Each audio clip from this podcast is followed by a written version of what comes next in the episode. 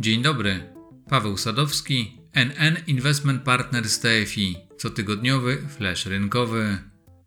Rekordowa inflacja, podnoszone stopy procentowe, paragony i wyciągi grozy są najnowszymi dowodami na to, że polskość potrafi być traumatyzująca na coraz to nowe sposoby. Zdanie, które przed chwilą wypowiedziałem, stanowi fragment recenzji spektaklu Jak być Polakiem i niedrogo za to płacić, która ukazała się w tygodniku Polityka. Dlaczego w ogóle o tym wspominam? Trudno nie odnieść wrażenia, że dynamika powszechnego wzrostu cen towarów i usług oraz jej konsekwencje, które nas dotykają, zaczynają urastać w zbiorowej świadomości Polaków do rangi palącego problemu i przenikać do każdej dziedziny naszego życia. O ile wspomniany spektakl próbuje znaleźć wyjście z tego finansowo-gospodarczego potrzasku na wesoło, a czasem też lirycznie, to już próba oswojenia tej inflacyjnej bolączki w konfrontacji z rzeczywistością bywa zdecydowanie mniej pozytywna. Przekłada się to na nasze czasem mało przyjemne wybory oraz ma wpływ na społeczne nastroje, które najdelikatniej mówiąc są dalekie od optymizmu. Z marcowego badania Kantar Nastroje społeczne Polaków wynika, że niemal połowa z nas uważa, że w ciągu najbliższych trzech lat materialne warunki życia w kraju się pogorszą, dlatego trzeba pomyśleć o zaciskaniu pasa czy oszczędzaniu. Potwierdzają to także analizy GUS, który od 20 lat bada nastroje konsumenckie za pomocą tzw. Tak bieżącego wskaźnika ufności konsumenckiej. Może on wahać się od minus 100 do plus 100 w zależności od tego, czy przeważają konsumenci pesymistycznie czy optymistycznie nastawieni. W czerwcu bieżącego roku wspomniany miernik doszedł do najniższego poziomu zanotowanego w historii minus 43,8. Mało wesołe wnioski płyną również z raportu Konsument w warunkach niepewności, który został przygotowany przez dom mediowy Media Hub wraz z Instytutem Badań Polster. Okazuje się, że tylko pokolenie Z 18-24 lata i młodzi milenialsi 25-35 lat z nieco większym optymizmem patrzą w przyszłość. Spodziewają się, że ceny mogą jeszcze trochę wzrosnąć, a później będą spadać. Niewykluczone, że ma to związek z tym, że nie mieli oni okazji poznać w praktyce, czym jest wysoka inflacja, a ich poziom ukredytowienia jest niski. Natomiast najmocniej inflację odczuwają starsi milenialsi 35-44 lata oraz generacja X 45-54 lata. To w tych grupach zaciskanie pasa przybiera na sile i przekłada się na cięcie wydatków związanych m.in. z kulturą, podróżami, również wakacyjnymi, o tym za chwilę, wyposażeniem mieszkań czy elektroniką. Wpływ na taki stan rzeczy ma przede wszystkim to, że obsługa kredytów mieszkaniowych pochłania coraz większą część ich domowego budżetu. Okazuje się także, że wydatki tną również osoby osiągające dochody znacznie przekraczające bieżące potrzeby i które mogą pozwolić sobie na oszczędzanie.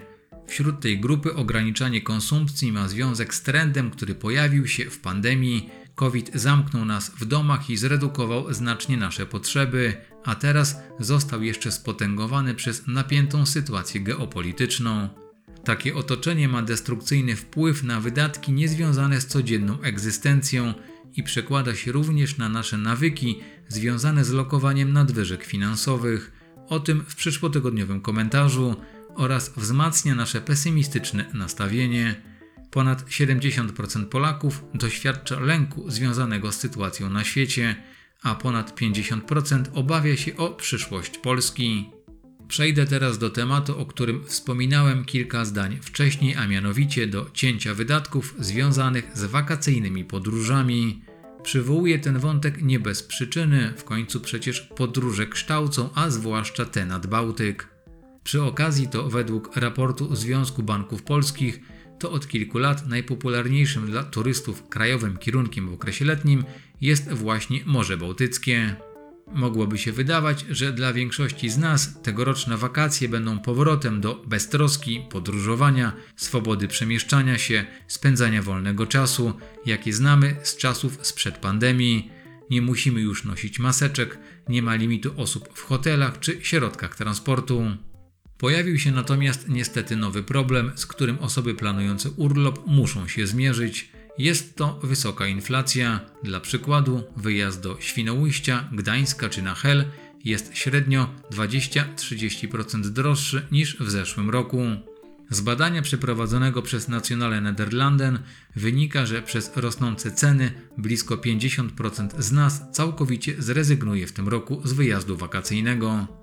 Dodatkowo tylko 1 na 10 uczestników tego sondażu spędzi lub planuje spędzić urlop poza krajem. Jednocześnie z danych opublikowanych przez GUS wynika, że w analogicznym okresie 2021 roku ponad 30% podróżujących zdecydowało się odwiedzić zagraniczne kurorty i to pomimo panujących w tamtym czasie restrykcji i ograniczeń związanych z pandemią. Ta spadkowa tendencja może mieć związek z obawami w odniesieniu do sytuacji geopolitycznej i przypuszczeniami respondentów niekoniecznie słusznymi, że wakacje w kraju będą dla nich korzystniejsze finansowo niż zagraniczna eskapada. Nie należy również zapominać o obawach związanych z problemami z płynnością w zakresie obsługi ruchu lotniczego. Innymi słowy, to jeżeli nas stać, to jedźmy nad Bałtyk. Będzie pewnie drożej niż w zeszłym roku, ale będziemy przynajmniej mogli się dowiedzieć z pierwszej ręki, kiedy w Polsce zakończy się cykl podwyżek stóp procentowych. To oczywiście nawiązanie do sławnej już i szeroko komentowanej rozmowy miała miejsce na Sopockim Molo pomiędzy obecnym prezesem NBP i działaczką Agrounii. Na tę wymianę zdań zwróciły uwagę nawet najbardziej opiniotwórcze światowe serwisy ekonomiczne. Słowa wypowiedziane przez szefa banku centralnego mogą sugerować, że czeka nas jeszcze najprawdopodobniej jedna podwyżka stóp procentowych o 0,25% i może mieć miejsce we wrześniu. Warto też zauważyć, że w tej konfrontacji słownej można było odnaleźć również wskazówkę dotyczącą tego, kiedy stopy zaczną spadać. Być może stanie się to w ostatnim kwartale 2023 roku. Na koniec wyjaśnię, w jakim celu wspominam o tej niecodziennej urlopowej pogawędce.